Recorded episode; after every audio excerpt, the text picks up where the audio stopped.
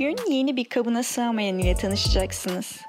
Dinleyeceğiniz hikaye öyle büyük karlılıklarla hacimli işler yapmış, bilindik, özendiren ve başka dünyalardanmış gibi çınlayan başarı öyküleri değil.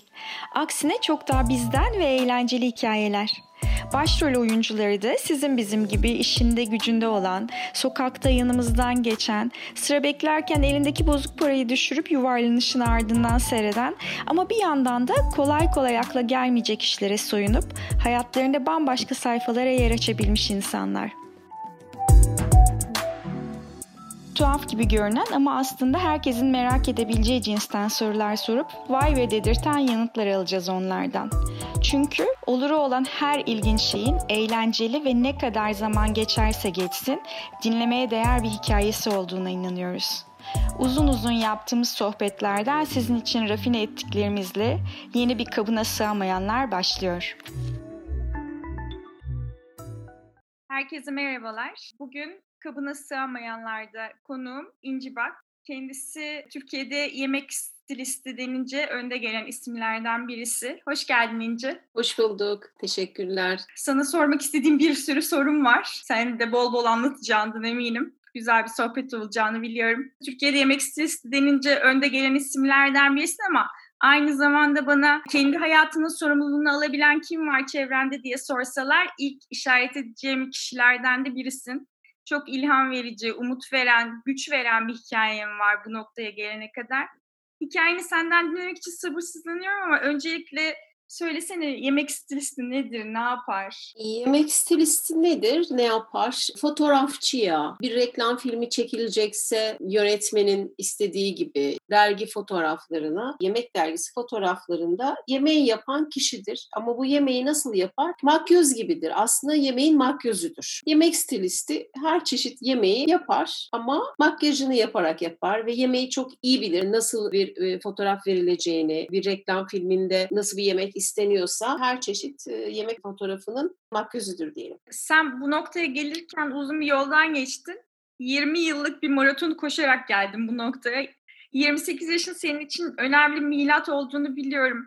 Bize biraz öncesinden sonrasından hikayeni anlatır mısın? Tabii ki. Çocukluğundan başla.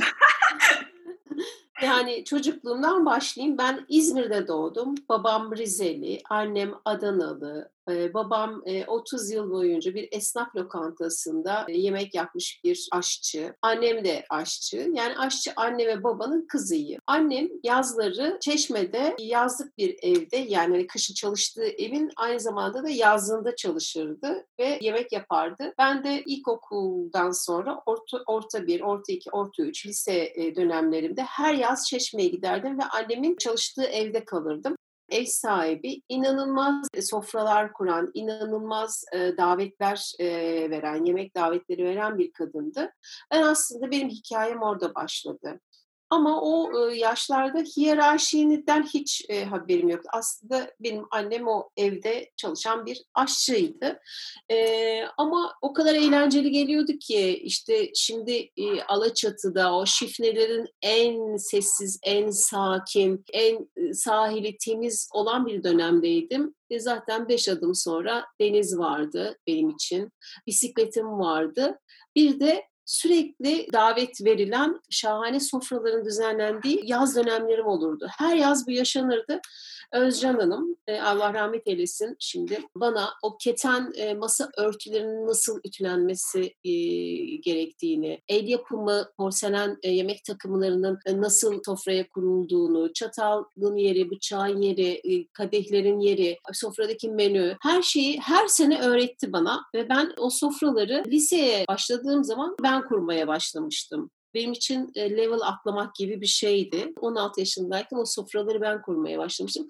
Benim hikayem aslında o zaman başladı. Sonra 16 yaşımda İstanbul'a geldim. Eğitimimi yarıda bırakıp 20 yaşına kadar ablamın yanında kaldım. Ablam da çok zengin bir adamla evliydi. Ve o sofralar ablamın evinde de devam etti. Ben yine de o sofralara kurmaya devam etti. 20 yaşından sonra da evlendim. Çok erken evlendim. Ve ben o sofraları yeni çevreme sunmaya başladım. O sırada hem Sofra Dergisi, hem Lezzet Dergisi, Mutfak Rehberi dergisi ve bütün dergileri, yemek dergilerinin hepsini es alıyordum. Ve o sıralarda tabii ki Instagram yok, Facebook yok. Sadece yabancı dergileri Amazon üzerinden sipariş edip yabancı dergileri de eş zamanlı izlerdim ve ben o zamanlar yani 25, 28, 30 sene öncesinden bahsediyorum. Vizyonumu, ufkumu o dergilerle, dergilerdeki fotoğraflarla ve fotoğraflardaki tariflerle geliştirmeye başladım. 22 yaşımda oğlum oldu. 24 yaşımda kızım oldu. Ama bu arada o yarım kalan eğitimimi tamamlamaya karar verdim. Hatta bahçeli bir evde oturuyorduk ve yan komşum Sinem. E, çocukları uyuttuktan sonra Sinem ile birlikte biz bahçede buluşurduk yazsa. Kışsa da e, mutfakta buluşurduk. Üniversite sınavına hazırlardı beni ve ben üniversite sınavına girdim. Yani kızım 5 yaşındayken üniversite sınavına girdim. Kazandım istediğim bölüm. Sinema televizyon bölümüydü. Hı hı. E, burslu olarak girdim hem de yüzde elli burslu olarak girdim. Akademi İstanbul diye bir okuldu. Çok entegre bir okuldu. Çok şey öğretildi. Akademi İstanbul'un en şaşalı döneminde e, okudum. Ve öğrencilerin hepsi benden 10 yaş küçüktü. 28 yaşında bir öğrenciydim. Ve orada e, çocuklarıma kekler, börekler, işte kurabiyeler ne yapıyorsam sınıfa da götürüyordum. Sınıfta da, sınıfta tabii ki öğretmenlerimin dikkatini çekti. Bir öğretmenim dedi ki bana seni staja e, bir el deterjanı reklamına göndereceğim. Bir bak dedi İnci dedi. Belki dedi seversin dedi. Ve benim ilk bu meslekle ilgili sorularım bu reklam filminde oldu. Asistan olarak gittim. Bulaşık deterjanı reklamlarında, el bulaşığı deterjanı reklamında bir öncesi tava vardır, bir sonrası tava vardır biliyorsun. Hani öncesi tava kirli tavadır, sonrası da tertemizdir. Bu kirli tavayı kirletmek için İngiltere'den bir yemek stilisti geldi. Bana o kadar havalı geldi ki bu e, iş. Nasıl yani dedim. İlk defa duyuyorsun değil mi yemek stilisti diye. İlk defa duyuyorum. Kesinlikle food stylist. Çok havalı. Food styling, food stylist. Türkçe karşılığı yemek stilisti. Dedim ki bu Türkiye'de yok mu? Hayır varsa da biz bilmiyoruz ama zaten firma özellikle yani müşteri özellikle o stilistin e, gelip o tavayı kirletmesini istedi. Bana o kadar havalı geldi ki ya dedim ki yani hani artık yurt dışından hani zahmet edip gelmesin hani biz e, olalım bari dedim ve orada tabii ki parantez içerisinde kendi kendime öyle karar verdim. Benim yemek stilisti olma hikayem orada başladı ve hocama dedim ki beni bu yemekle ilgili bir şeylere gönderin. Ben zaten anneyim, iki tane çocuğum var. Sinema e, tabii ki kısa filmler yaptık. O hayatı hiç sevmedim. Gecen yok, gündüzün yok. 16 saat kuralı o sıralarda da yoktu. O yüzden hani kendi mutfağımdan çıkıp daha büyük bir mutfağa hitap etmek istedim. Ve hocalarımdan bir tanesi beni Lezzet Dergisi'ne staja gönderdi. Lezzet Dergisi'ne yine 3 aylığına staja gönderdi. 3 4 oldu. 6 ay derken 7 sene orada kaldım. E, tabii ki yemek stilistliğinde orada yine bir yemek stilistiyle karşılaştım. Hayran kaldım. Gökmen, hala sanat yönetmenliği yapıyor Gökmen. Gökmen'in profesyonelliğine, işine olan tutkusuna hayran kaldım. Ve ikinci kez ben yemek stilisti olacağım dedim. Zaten ilkini o el deterjanı reklamlarında bir kulağıma su kaçırmıştım zaten. Sonra ve Lezzet Dergisi çok entegre bir dergiydi. Tarifleri, konuları belirliyoruz, toplantı yapıyoruz, konuları belirliyoruz ve sonra mutfağa gidiyoruz. 20 yıl öncesinden bahsediyorum. Mutfağa giriyoruz. Mutfakta da e, tarifleri yapıyoruz ve derginin sonucu çok basit. Tariflerin tutması ya da tutmaması. Böyle bir sonuca odaklı olduğumuz için biz zaten tabağıydı, altındaki masanın rengiydi, arka fondu, çatal bıçaktı. E, hepsine orada karar veriyorduk ve öyle entegre olduğu için bana çok faydası oldu Lezzet Dergisi'nin. 7 sene orada kaldım. Kabıma sığamadım.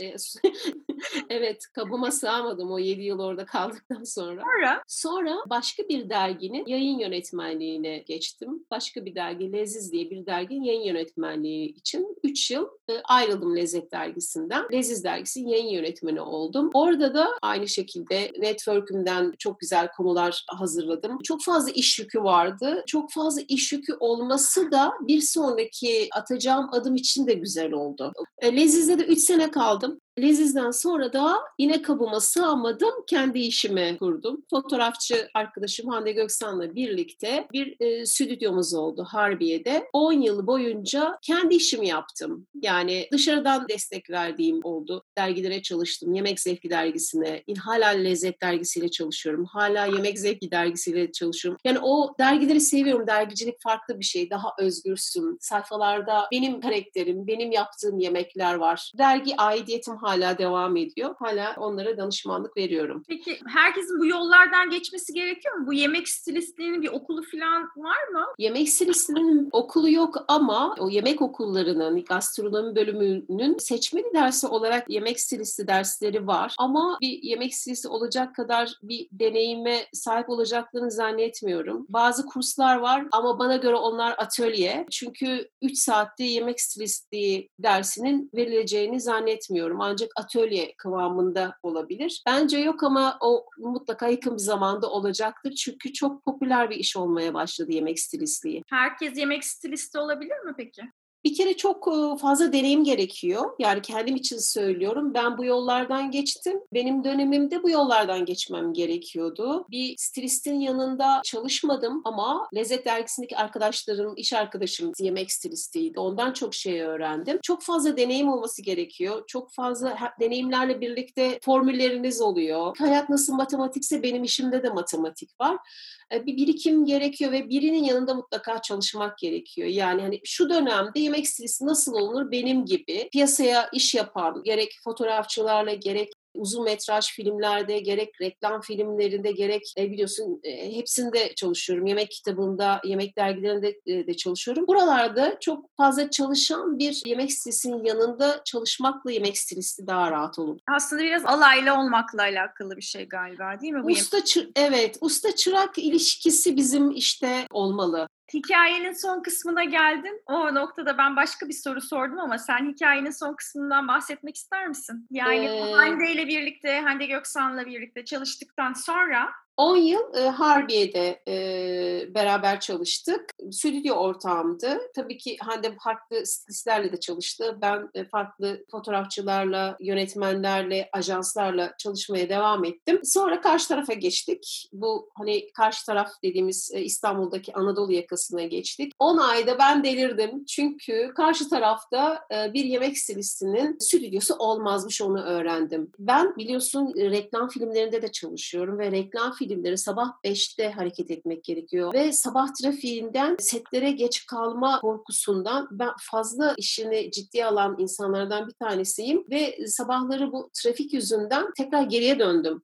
Yani o karşı taraftaki kocaman stüdyoyu kapattık. E, Hande de kendine Erenköy'de güzel bir stüdyo açtı. Ben de tekrar Harbiye'ye geri döndüm. 10 sene kiracısı olduğum yere geri döndüm. Tesadüf ki 10 ay boyunca hiç kimse kiracı olmamış. Ev sahibi de zaten İncan'ın hadi gelin orası zaten sizi bekliyor diye geri geldim. E, mutluyum. E, yaklaşık 10 aydır bağımsızım ve devam ediyor yolculuğum. Şimdi ben bir şey merak ediyorum. Mesela bir işi aldın planlama süreci nasıl oluyor bu işin? Zor müşteri, kolay müşteri diye bir şey var mı? Süreci nasıl yönetiyorsun? Mesela e, sen söyle bu nasıl bir iş? Bu bir e, yemek dergisinde bir iş mi? Bir reklam filminin işi mi? Uzun metrajlı bir filmin e, yemek sahneleri mi? Bir yemek kitabı mı? Bir e, restoranın menüsü mü? Sen Oo. karar ver. Restoran menüsü mesela. Restoran menüsü çok kolay oluyor. En kolay çekimlerden bir tanesi mekanla gidiyoruz, konuşuyoruz. E,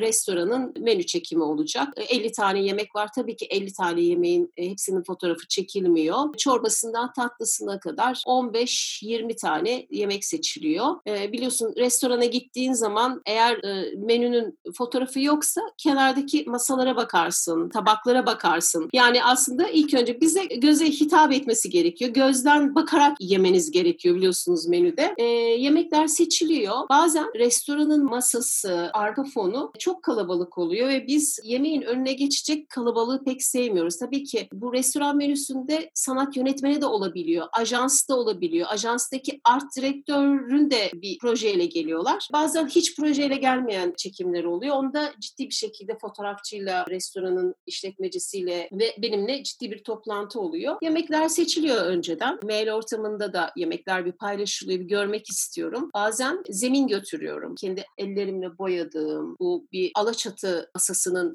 hissettiren bir tahta da olabilir, masa da olabilir. Bu bir tertemiz bir mermer de olabilir. Yaşanmış dokulu bir zemin de olabilir. Ve yemekler belli olduktan sonra 15-20 tane yemek genelde iki, iki günde çekiyoruz. Ne kadar çok şef yapsa da yemeği parmak iziyle başlıyorum ben temizlemeye. İlk başta ilk bir saat şef benden nefret ediyor. Çünkü onun yaptığı yemeği beğenmediğimi zannediyor. Halbuki öyle değil. Ben fotoğrafçıya en uygun şekilde hazırlamakla yükümlüyüm o çekimde. Parmak izi ne demek biliyor musun? Ay inci parmak izini bile görmemiş diyebilir Photoshop'ta e, o yemeği düzenlerken de. Şu parmak izi. En basit parmak izi mutlaka oluyor çünkü. Parmak izinden başlıyorum. Önce tabağı alıyorum, bakıyorum yemeğe. Sonra temiz bir tabak istiyorum ve o yemekteki her şeyi ayrı ayrı istiyorum ve e, yemek stilisi hem makyözdür hem de cerrahtır. Cerrahla başlıyorum. Hepsini birleştiriyorum. Sinir oluyorlar çünkü dediğim gibi yemeğini yaptığı tabağı beğenmediğimi zannediyorlar. Asla öyle bir şey değil. Sadece fotoğrafçıya en düzgün. Hamburger çekiyorsam ben hamburgerin içerisindeki şahane bir sosu, e, sos var ise ben o sosu göstermek zorundayım. O sosu şırınganın içine koyup fotoğrafçının istediği noktalarda o şırıngadan o sosu akıtmak zorundayım. Karamelize soğanı bir şekilde cımbızla çıkartıp karamelize soğanın eğer mor soğan yapıldıysa birazcık daha diri kıvamda pişenle göstermek için cımbızla yerleştirmek zorundayım. Pirinç pilavı yaptığım zaman cımbızla o kötü nişastası çok bulaşmış pirinci daha sağlam pirinçle değiştirmek zorundayım. Bir saat sonra anlıyorlar abla oluyorum. Abla sen daha iyi bilirsin bunlar nasıl falan diye. İşte en kolay çekim o oluyor aslında. Çünkü biri yemekleri yapıyor ama sen de o yemekleri tabağını düzenliyorsun. İşte kenarında, köşesinde, sağında, solunda o yemeği anlatan detaylarla zaten bir ön hazırlık oluyor. En rahat yaptığım çekimlerden bir tanesi menü çekimidir. Bu çekimlerde başkası yapıyor yemeği. Sen yaptığın zaman hazırladığın yemekleri her zaman yiyebiliyor musun? Şöyle stüdyo ortamındayken yiyemiyoruz. Çünkü işte dediğim gibi cımbızlar, spreyler devreye giriyor. Çok fazla mıncıklıyorum. Çok fazla ışığın altında maruz kalıyor. Eğer bu reklam fotoğrafıysa Yemek Dergi'nin sayfalarında daha gerçeğe yakın yapıyorum. Çünkü Yemek Dergisi'nin okuyucusu o yemeği yaptığında fotoğraftakinin ne benzer bir yemek çıktığından emin olması gerekiyor. Çünkü bu yemeği yapabilirsin sen. Bu yemek yapmak aslında zor değil anlatmak için Yemek Dergisi'nin stilistliğinde yemeği hazırlarken daha samimiyim. Ama e çünkü orada aslında yapabilirsin anlattırıyorum yemek dergisinde ama reklamda reklamı o yemeği sattırmam gerekiyor. Sattırmam için de makyaj yapmam gerekiyor. Ya da gerçekten dediğim gibi hani nasıl içinde karamelize güzel bir hamburgerin içerisinde bir sos varsa o sosu sattırmak için ben o sosu birazcık makyajını yapmak zorundayım göstermek Tıraş nerede devreye giriyor? Tıraş köpüğü 20 sene önce e, yapılan bir şeydi. Herkesin formülü var. Benim de formüllerim var. İşte çırpılmış şahane bir krema e, yapmak için e, süt miktarını birazcık azaltıyorum. Sütün buzdolabında olması gerekiyor. Böyle böyle formüllerim var ama tıraş köpüğünü nerelerde kullanırlardı eskiden? Cappuccino yaparken kullanırlarmış çökmesin diye. Yine öyle şeylerimiz var. Yani tıraş köpüğünü aratmayacak hilelerimiz var. Reklam fotoğraflarında başvuruyorum öyle hilelere. Yemek stilisti olarak kimi filmlerdeki sofralarda da senin dokunuşların var. Mesela en son Serra Yılmaz'ın yönettiği yapımcısı Ferzan Özpetek olan bu Cebimdeki Yabancı filmindeki sofralar da sana aitti. Onlarla çalışmak nasıl deyince? Kim buldu seni her şeyden önce? Nasıl gelişti bu süreç? Biraz anlatabilir misin? Anlatayım. Şimdi Karşı Pencereyi bilirsin. Ferzan Özpetek'in.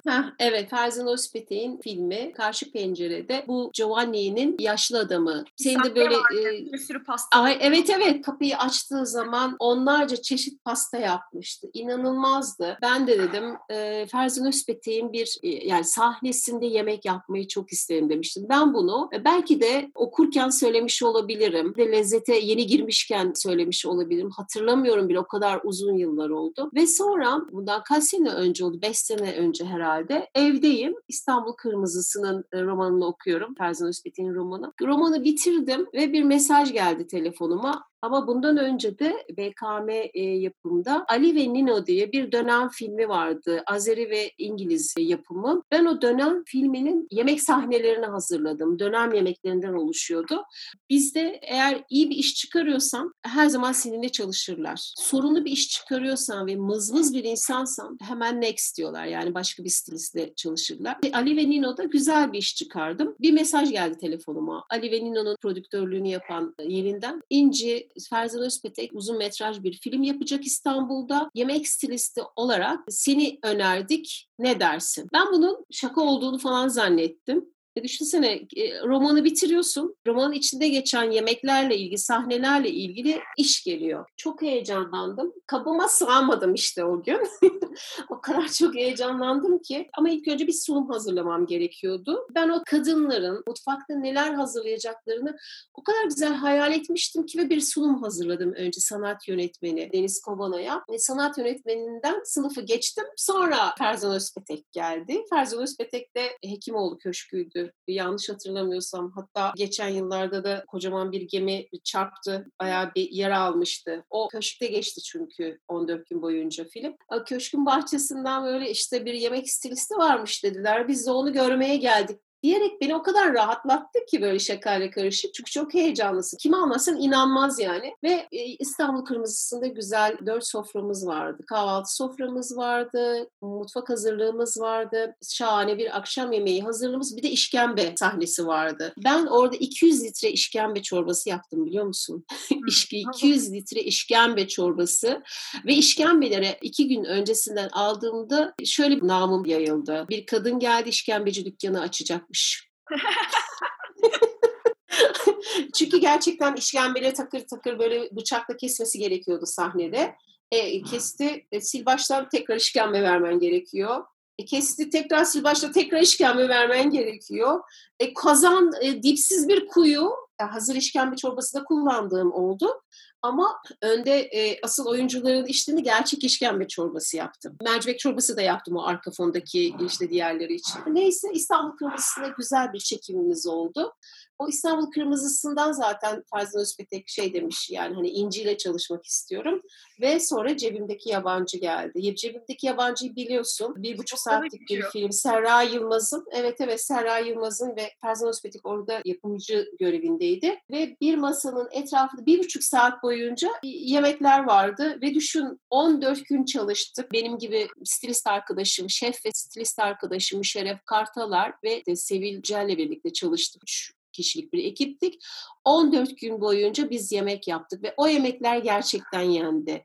İşte hani sordun ya yaptığın yemekler yeniliyor mu? Cebindeki yabancıda yaptığın bütün yemekler yendi. Hatta 10 saat boyunca, 12 saat boyunca aynı sahneler olduğu için o perde pilavı 3 kez yenilendi. Kavun dolması her zaman çünkü o spotların altında çok çabuk bozuluyorlar yemekler maalesef. Kaç tane kabak çiçeği dolması yaptık. Kaç tane bıldırcın yumurtası haşladık. Haddi hesabı yok yani yani. Öyle oldu. Cebimdeki yabancıda da güzel böyle 40 çeşit yemek yaptık atıştırmalıklarıyla birlikte, ana yemeğiyle birlikte, hazırlığıyla birlikte ve 14 gün boyunca hep aynı yemekleri yaptık. Güzeldi. Çok, güzel bir deneyim Gerçekten. oldu. Değil evet. mi? Çok çok güzel evet. bir deneyim olmuş. Yemek kitaplarında da sen varsın aslında değil mi? Biraz da onlardan bahseder misin? Senin yemek stilistliğini yaptığın kitaplar da var. Var evet. Müşerref Kartaler'le birlikte Tel Dolap diye bir kitabımız var. Şef Rafet İnce'nin bir kitabı var. Kayseri Yemekleri diye bir kitap var. Onda da bir yemek stilistliği yaptım. Ama benim yok.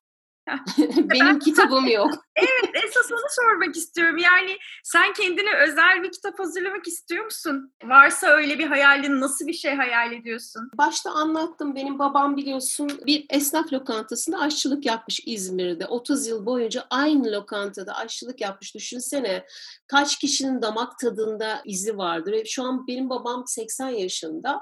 13 yaşındayken mutfağa girmiş. O zamanlar işte Bakü'den gelmişler e, ataları. Rize'de 13 yaşında o zaman Anadolu'da o yıllarda 13 yaşında demek erkek oldun ve hani evin erkeğisi ve eve para getirmen gerekiyor ya da köyde iş yoksa büyük şehirlere göç ederlermiş. Benim babam da o dönemde 13 yaşında bulaşıkçılıkla başlamış. Necip ustası varmış. Necip ustasından öğrenmiş yemek tariflerini. Şimdi 80 yaşında benim babam. 13 yaşında mutfağa girdi. Necip ustası da ondan bayağı büyükmüş. Necip usta da bir ustasından öğrensin. En az 100 yıllık tarifler. Babamın yemekleri de bir kitap yapmak istiyorum. Toplantısını yaptım. Terzi söküğünü dikemez. Gerçekten çok yoğun bir iş hayatım olduğu için benim kafamın çok rahat olması gerekiyor bu kitabı yapmam için. Çünkü özel bir kitap yapmak istiyorum. Zaten tarifler 100 yıllık esnaf yemekleri ve benim çocukluğumdaki babamın o lezzetli yemekleri, o hissiyatı da yakalamak istiyorum. Şimdi ona başladım. Babam yemekleri yapacak. Tabii ki eskiden tarif konusunda anneler de babalar da esnaf lokantasında aşçı, çok iyi bir aşçı da olsan bir türlü tariflerde gram ölçüsü, bardak ölçüsü, kaşık ölçüsü yoktur. En azından o ölçüleri alacağım. Çok zor yemekler değil zaten. İzmir köftesi, ezogelin çorbası, mercimek çorbası ama esnaf lokantası lokantası yani. Hani bunlar bir arşivlensin istiyorum çocuklarıma, çocuklarımın torunlarına, onların çocuklarına kalsın istiyorum. E, şimdi bizde erkek kardeşim ressam, e, ben yemek stilistiyim. Kızım da iç mimar ve DJ. Bu dördümüzün bir şekilde bu kitapta entegre olmamızı istiyorum. Yani herkes elinden kazanmış. O yüzden böyle özel bir kitap olacak. İnşallah Babamın Yemekleri kitabını e, herhalde bir üç ay sonra e, bitirmiş olacağım. Harika. O kadar kısa zamanda çıkacak desene. Çok güzel. Bir de sen sosyal medyayı da güzel kullanıyorsun. Instagram'da her gün iki tarif veriyorsun. Düşünsene her gün iki tarif, ayda 60, senede 720 tarif paylaşıyorsun. Özellikle nasıl tarifler paylaşmayı seviyorsun? Nasıl oluyor da bu tarifler bitmiyor ince? Bitmez, bitmez ama. Yani şu da bir tarif e, Deniz. Pembe domates zamanı geldi biliyorsun. Hı. Ben ona pileli domates diyorum. İncecik incecik dilimle, düz böyle hafif çok az çukur bir tabağın üzerine, üzerine işte içine dilim yerleştir. Böyle güzelce sırala. Üzerine sızma zeytinyağı gezdir. Üzerine bol kimyon gezdir. Kimyonla domates inanılmaz uyumu var. Bunu keşfetmeyenler mutlaka bir denesin isterim. Ve çok az deniz tuzu serp. Bu bir tarif. Kimyonu kaldır. İncecik incecik kıyılmış fesleğen serp bu da bir tarif. Fesleğeni kaldır, havanda ezilmiş sarımsak ser. Bu da tarif. Çünkü aslında ben Instagram'da mutfağında akşam eve gittiğin zaman yumurtan varsa yemek yapabilirsin. Domatesin varsa kahvaltı için kimyonun varsa bu tarifi yapabilirsin. İnsanları yemek e, yapmaktan soğutmayan tarifler veriyorum. Basit, e, sıkıysa yap değil de aslında yaparsın tarifler. Verdiğim bir platformum benim orası. Bundan da tarif mi olur? Olur. Nasıl yumurtadan bir tarif oluyorsa domatesin üzerine zeytinyağı dök ve e, biraz limon sık. Belki de işte bol kimyon ama. Bu da bir tarif bence. Böyle tariflerim var. Çok basit tariflerim var. Çünkü çok fazla çalışan kesim takipçilerim var. Bir tane daha tarif veriyorum. Bak paket içerisinde noodle'lar. Aha. Küçücük bir tencerede suyu kaynat zerdeçalla birlikte. Ondan sonra ayrı bir yerde de böyle bir tane kap kırmızı biberim kalmıştı. Acı kırmızı biber. Onu böyle incecik zar şeklinde doğradım.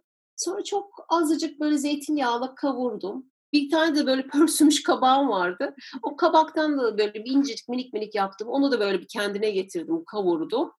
Sonra işte o kaynayan zerdeçallı suyun içerisine o sebzeleri attım. Önceden kavurma sebebim daha lezzetli oluyor. Suyun içerisine attığın zaman hasta yemeği gibi oluyor. E, sebzeleri içine kattım. Bir de bu noodle'ları elimde paketin içerisinde parçaladım ki kaşığa sığsın diye. İçine attım noodle'ı. 3 dakikada şahane bir çorba oldu. Zerdeçallı çorba. Bu da bir tarif.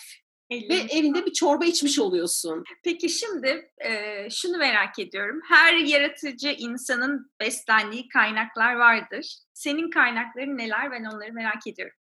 Sana söyleyeyim. Annemin deneyimi, annemin pazılı kol böreği, annemin geçen hafta e, gittiğim zamanki keşfettiği bir yemeği, senin yaptığın reçeller, annenin yaptığı peynir tabakları, daha çok insanlardan ilham alıyorum. Senin gibi insanlardan, annemden, Instagram'dan da ilham aldığım oluyor. Yabancı stilistlerden de ilham alıyorum. Ama daha çok birim çok güzel su böreği yapıyormuş dedikleri zaman bende böyle bir kımıl kımıllık başlıyor. Hemen hemen oraya gidip o tarifi almalıyım. Ha biri çok güzel limoncello yapıyor. Hemen gidip bir şey bir o limoncello yapıyor bu kadar güzel yapıyor dedirten nedir? O tarifin peşinden koşmalıyım ve mutlaka reçetelendirip paylaşmalıyım. Hani paylaştıkça çoğalırsın lafı vardır ya gerçekten doğru. Peki şu olsa daha başarılı olurdum deyip sahip olmadığım bir şey var mı? Yok canım ya her şeye sahip oldum Allah'a şükürler olsun. Bir yemek stilisti için hayal edilen her şeye sahibim. Bu bana yetiyor. Çocuklarımın benden gurur duyması. O ne kadar çok büyük şeylere imza atsanız da, güzel kitaplar çıkarsanız, şahane işler yapsanız da çocuklarınızın annelerinden gurur duyması paha biçilmez. Oğlum iş toplantılarına gittiği zaman gıdayla ilgili bir iş yapıyor. Anne diyor illa diyor bir, bir şekilde seni tanıyorlardı yani nereden tanısın şimdi diyorum diyor. E, ismini söylüyorum o kadar güzel anlatıyorlar ki diyor. O inanılmaz bir şey yani benim sonucum bu aslında. Bu anlattığın hikayenin içerisinde kabından çıktığını düşündüğüm bir an veya anlar mutlaka vardır. Bunlardan birini paylaşır mısın? Aslında bir sürü anlar oldu. Kabımdan çıktığım anlar. Söylüyorum. Bir kere 16 yaşında İstanbul'a gelmek bir an. 16 yaşındasın ve annenden ve babandan ayrılıyorsun ve ablanın yanına gelip bir hayat kuruyorsun orada 4 yıl boyunca. 20 yaşında evlenmek bir an. Karar veriyorsun 20 yaşında e, evleniyorsun. 22 yaşında anne olmak, 24 yaşında anne olmak, 28 yaşında okumaya karar vermek. Çocuklar okula giderken senin okula gitmen bir an. El deterjanı reklamındaki ait olduğum evet böyle bir mesleğin var olduğunu bilmek bir an. Lezzet dergisinde 7 yıl çalışmak bir an. Lezzetten sonra başka bir dergiye yayın yönetmeni olarak girmek bir an. Kendi işimi açmam. Bu herkesin böyle bir dönüm noktaları vardır ya. Çok net yani bende. Sonra işte e, kendime stüdyo açmam. Ortağın olduğum işte fotoğrafçı arkadaşımla birlikte stüdyo açmam. 10 yıllık bir istikrardan sonra gemileri yakıp karşı tarafa geçmek bir an. 10 aydan sonra tekrar gemileri yakıp sil baştan sıfırdan başlamak bir an. O kadar çok an var ki bende. Hepsi benim için çok değerli ve çok güzel birikimlerin olduğu deneyimlerim oldu, anlarım oldu. Evet, ben zaten konuşmamın başında bunların işte toplamından dolayı kendi hayatının sorumluluğunu alabilen kim var çevrende diye sorsalar ilk işaret edeceğim insanlardan biri İnci Bak'tır diye bunların hepsinin toplamından doğru söyledim. Çok teşekkür ederim İnci'cim. Çok ben teşekkür ederim. Çok lezzetli bir sohbet oldu. Çok teşekkür ediyorum. Ben teşekkür ederim. Benim için de gerçekten çok keyifli, güzel bir sohbet oldu. Şöyle bir detayı da eklemek istiyorum son olarak ben. Şimdi sana dair, yemek stilisti olarak İnci Bak'a dair tüm detayları ve bu söyleşiye kabına sığamayanlar.com web sitesinden ulaşabilirsiniz. Böyle bir minik ekleme de yapayım. Ve bu söyleşiyi böylece bitirelim. Süper, tamam. çok güzel. Süper,